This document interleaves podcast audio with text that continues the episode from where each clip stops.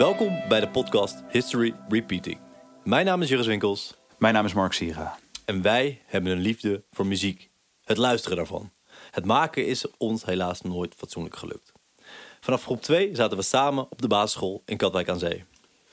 Ja, ik, ik kocht mijn eerste LP van Jimi Hendrix toen ik 16 was. Ik heb Are You Experienced gekocht in New York. En ik heb het eigenlijk vrij direct nadat ik het had gekocht in New York weggegeven. Omdat ik mijn rondjes in de kroeg nog schuldig was aan een vriend. Uh, en hij had, uh, die vriend had gezegd, koop maar een mooie plaat voor me. En dat heb ik voor hem gedaan. Hij heeft hem nog steeds. Ik moet hem eigenlijk weer eens een keer uit de kast trekken daar. En uh, zeggen, hier heb je die 20 gulden terug. Want dat was nog guldens. mijn moeder vond toen ik dat kocht dat ik een te oude ziel had. en daar was ik het eigenlijk wel mee eens. Jure, wat heb jij van Jimi Hendrix in de kast staan? Nou, bar weinig eigenlijk. En ik denk dus dat ik misschien niet zo'n oude ziel had. Nee. Um, ik vond toen ik jong was, Jimi Hendrix... Natuurlijk, ik kende hem. Ik kende hem van Woodstock en de verhalen die eromheen uh, bestonden. Dat hij zijn gitaar in de fik, uh, in de fik zette. Ja, op Monterey is dat. Op Monterey. Oh, dat is niet eens een Woodstock. Dat is niet nou, Woodstock, kijk, zo goed ken ik hem dus. Um, maar ik vond het altijd een beetje te moeilijk. Ja. Um, en ik ben pas wat later naar zijn muziek gaan, gaan luisteren. Wat bewuster gaan luisteren. En ben ik het ook wel wat meer gaan waarderen. En nog steeds staat het niet bij mij in mijn top, uh, top 10 van, van, van meest gedraaide nummers. Maar... Wellicht dat je na vanavond morgen naar de platenzaak uh, rent en een uh, plaatje van Jimi Hendrix Ik ben heel benieuwd. Ik ben ja. heel benieuwd.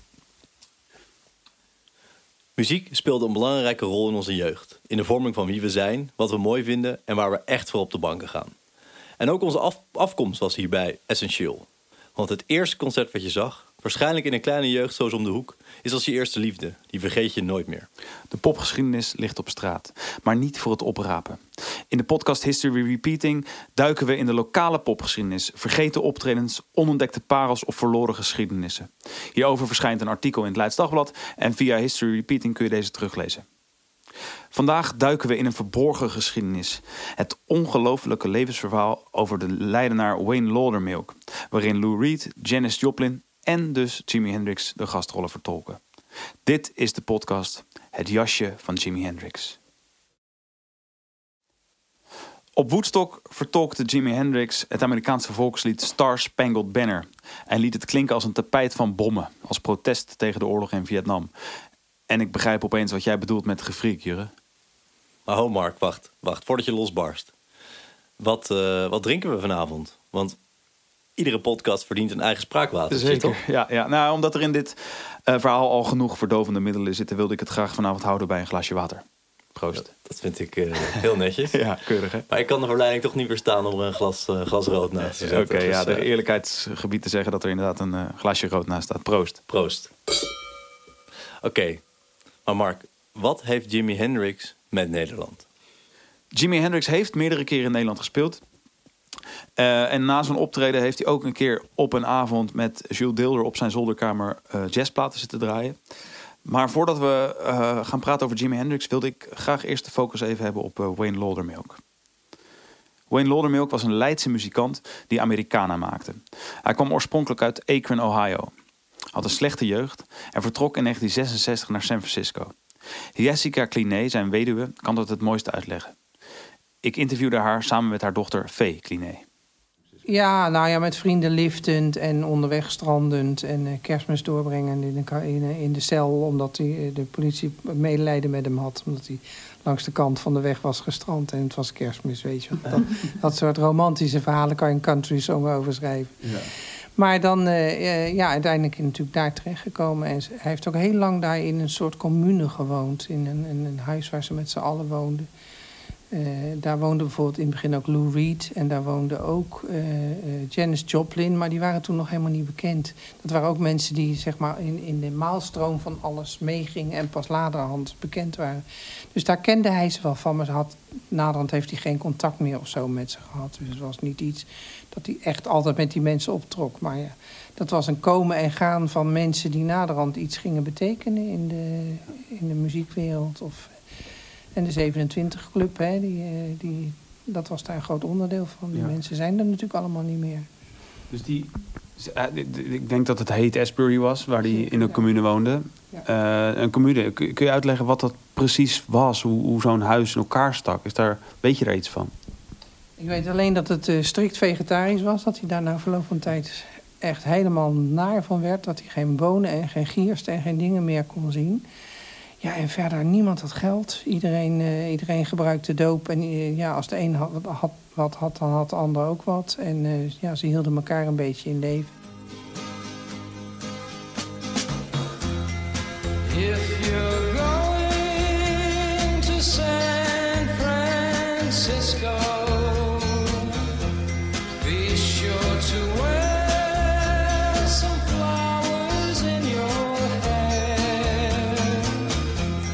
Scott McKenzie, San Francisco. Dit is de soundtrack van uh, The Summer of Love, lijkt het wel. Ja. Vat volgens mij heel goed samen wat er, uh, wat er die tijd allemaal gebeurde. Uh, geeft wel een heel rooskleurig beeld, denk ik. Dat, dat, dat denk ik ook, maar misschien gaat jouw verhaal daar verder nog, ja, nog wat ja. dieper op in. Want oh, hoe zat het ook alweer, Mark? Eventjes, hippies, wat was het? Hoe ging het? De hippies, ja, daar hebben we het over. De countercultuur die in de jaren 60 opkwam, schopte tegen de afstompende saaiheid van, consument, van de consumentenmaatschappij van de jaren 50. Tegen het wonen in dezelfde soort buitenwijken, kijken naar dezelfde geestdodende sitcoms. Ze waren pacifisten tegen de oorlog in Vietnam. Peace and love was het motto. Vrouwen kwamen voor het eerst op voor hun eigen rechten, baas in eigen buik. De hippies stelden vragen bij de geldende seksuele moraal van die tijd. Dus werden orgies, sekstherapie, acceptatie van homo's en, als kers op de taart, het vieren van de seksualiteit de norm. De proto-punkers van MC5 zongen sex and drugs and fucking in the streets. En zelfs Paul McCartney zong Why Don't We Do It in the Road. De soundtrack voor deze tijd was minstens zo belangrijk als de zaken waar de hippies voor stonden. De Beatles, de Stones, Bob Dylan, The Grateful Dead, Canned Heat, Scott McKenzie natuurlijk, Jimi Hendrix, Janis Joplin, The Birds, The Doors, Frank Zappa en The Mothers of Invention. Allen vormden de soundtrack van de hippies. En ze wisten ook de belangrijke, belangrijke boodschappen van vrijheid in hun muziek te stoppen. In de jaren 60 werd popmuziek voor het eerst een kunstvorm, met als katalysator Sgt. Pepper's Lonely Hearts Club Band van de Beatles. Wayne leefde in die tijd in een commune, zoals zoveel mensen dat in die tijd in San Francisco deden. Ik was benieuwd naar hoe dat leven er daar uitzag. Zijn er, zijn er foto's of afbeeldingen van het huis? Weet je waar het was? Ja, het is, was op uh, 440 uh, Ashbury. Oké, okay. en dat was een kleurrijk Pippi huis? Nou, het was zo'n huis zoals je ziet in, uh, in het voorstukje van Volhuis, weet je wel. Dan heb je zo dat uitzicht van het park op ja. die huizen. Die hele typische San Francisco huizen. En uh, zo'n soort huis was het. Dat heeft Ween al net verteld, ja. ja. Met, met hoeveel mensen woonden die daar? Dat zal heel wisselend zijn geweest, denk ik. 10, 20, 30, ik weet het niet. Het, was een komen en gaan, denk ik, van mensen die daar dan tijdelijk woonden en dan weer verder gingen. Dus het was gewoon een zwervend bestaan wat ze hadden. Ze, ze deden maar wat. Ze, gingen, ja. ze waren niet echt aan iets gebonden. Nee.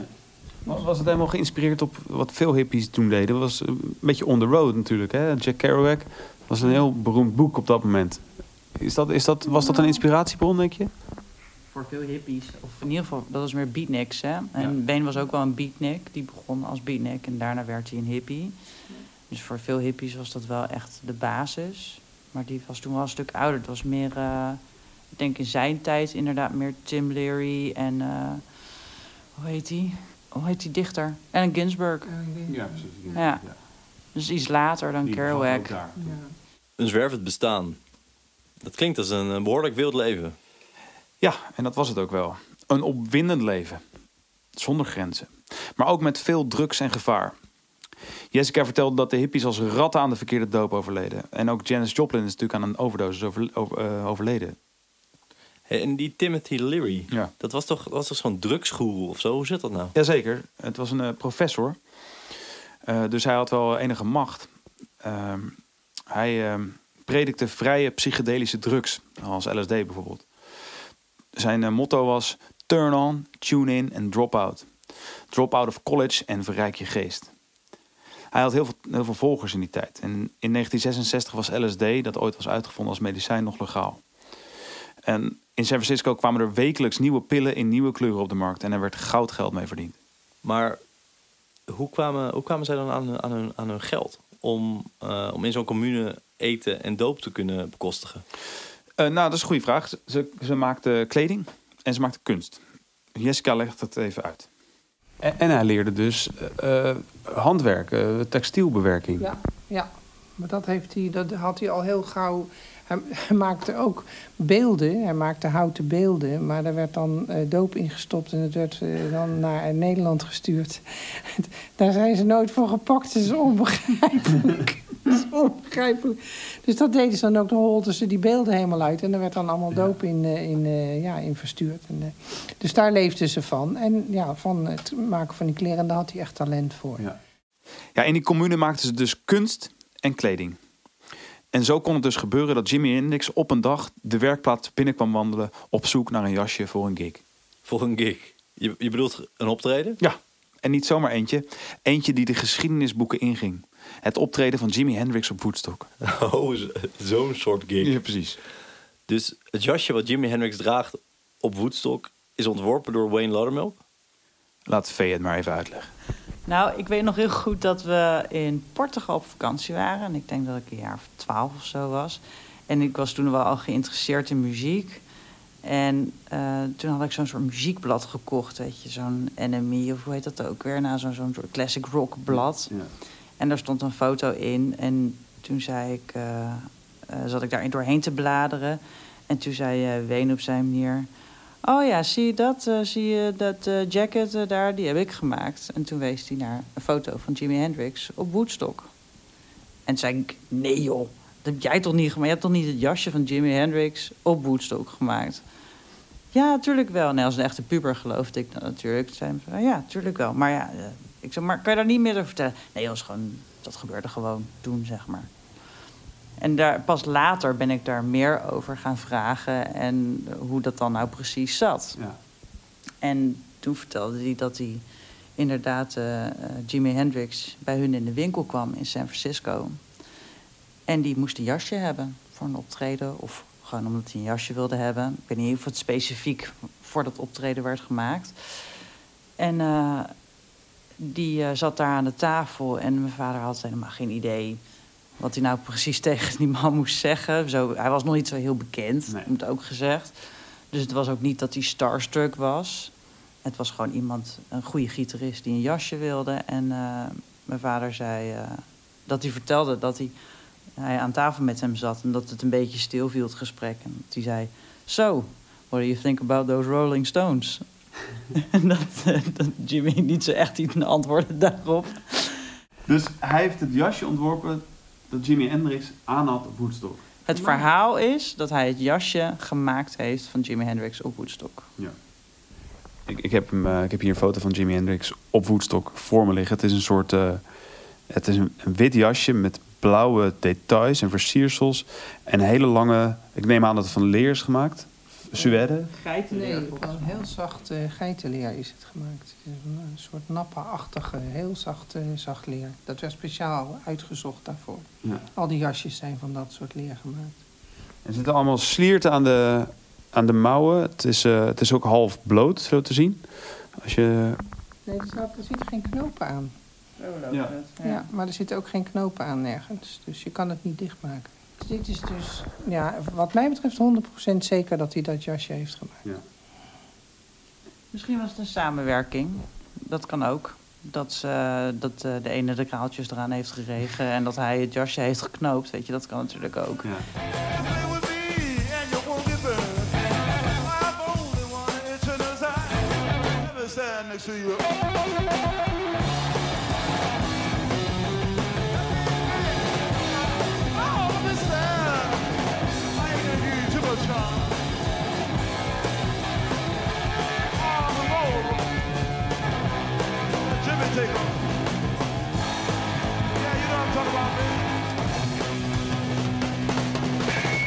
Lekker nummertje hoor.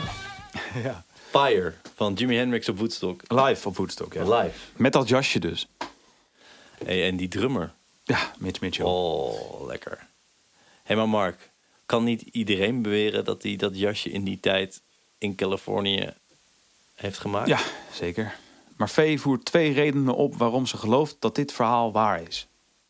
Ja, het grappige was dat we dus dat we daar altijd een beetje aan twijfelden. Ook omdat we helemaal geen foto's hadden van Ween uit die tijd. En dat we nooit vrienden van hem spraken, hij ook niet. Dus het was altijd een beetje zo'n in uh, mysterie uh, gehuld.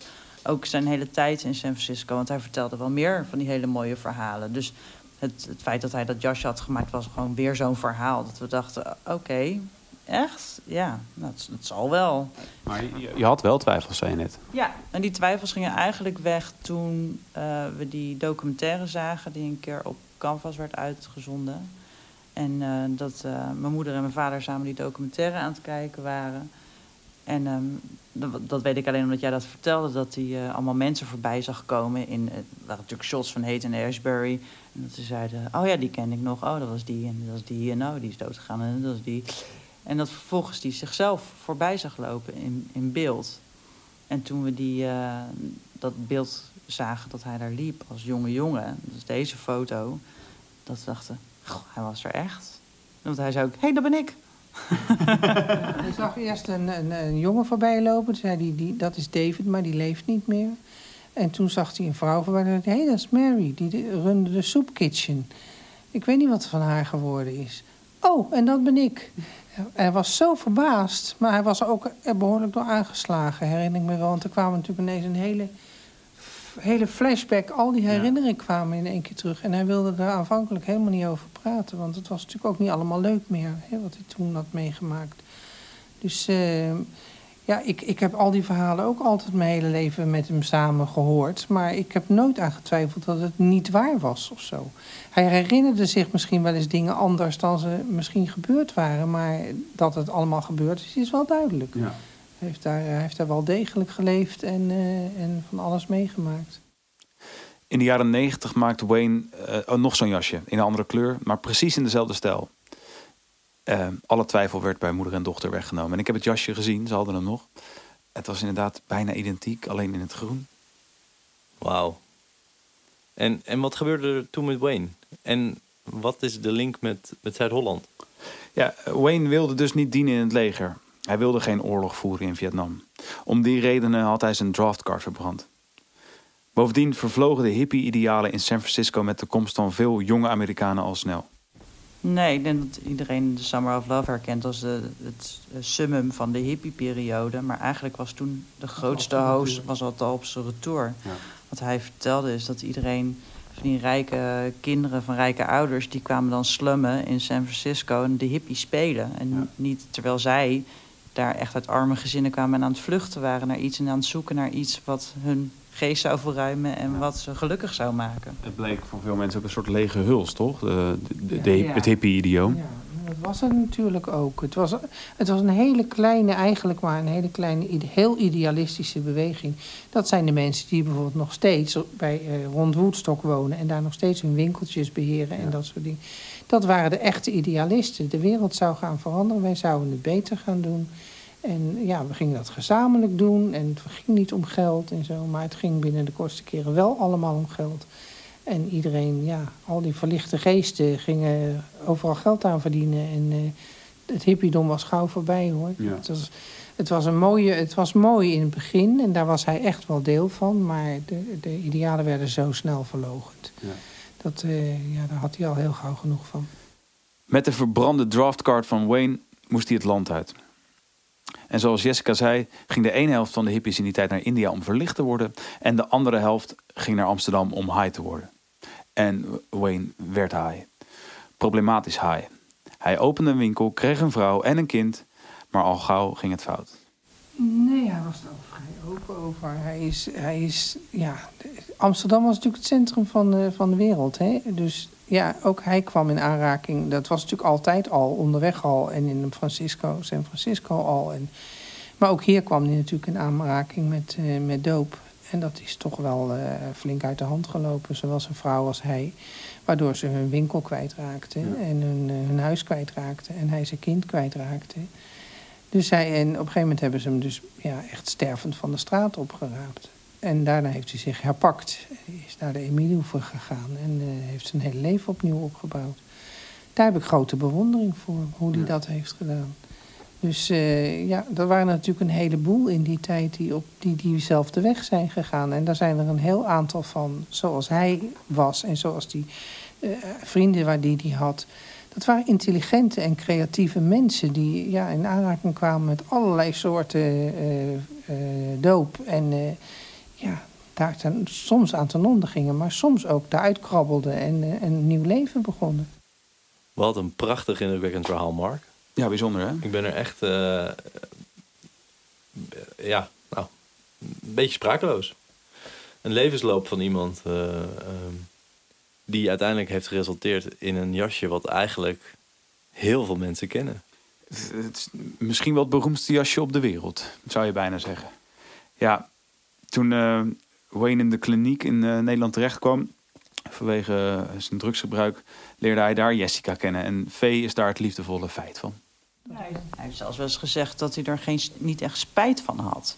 Van wat hij, uh, wel dat hij mensen heeft gekwetst misschien in de tussentijd. Zoals uh, die dochter of zijn ex-vrouw. Maar uh, hij heeft er nooit echt spijt van gehad. Dat hij zegt, dit heeft me wel gebracht tot waar ik ben. En dat vond ik altijd wel ook wel een goede les. Niet om nou totaal uit de band te springen en hele stoute dingen te gaan doen of zo. Maar wel dat je moet accepteren wat je hebt meegemaakt. En dat je je ook daarvan leert. Het Leidse jasje van Jimi Hendrix. En over die ehm, spraakwater gesproken. Ja, water. Lekker hè? Ehm, je had natuurlijk ook kunnen kiezen voor een Purple Haze. I, uh, de cocktail, ja, ik heb er naar gekeken. Uh, maar ik kan niet zeggen dat ik nou uh, echt bakken met geld heb. Want ik, dan moest ik voor 70 euro aan flessen drank kopen die ik niet opkrijg. En dan werd het een hele lange avond hoor. Beetje skeer, maar. ja, sorry man. Water en dan stiekem een glaasje rode wijn. Laten we dan een stukje Purple Haze luisteren. Mm. Dat is een goede suggestie. Purple Haze, live op Woodstock.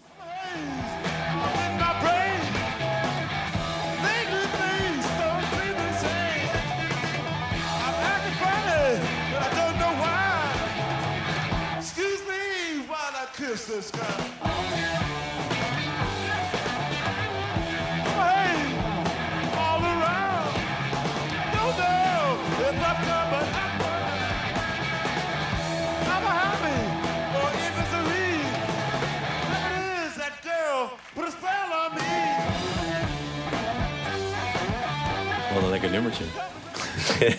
je, ga je platen kopen morgen? Ren je nou, morgen naar de winkel? Ik ren morgen wel even naar de winkel. Mooi zo. Heerlijk.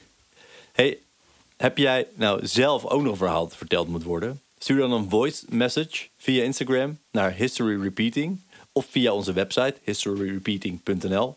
Kun je ook een mailtje achterlaten en dan kijken wij of wij daar weer een verhaal van kunnen maken.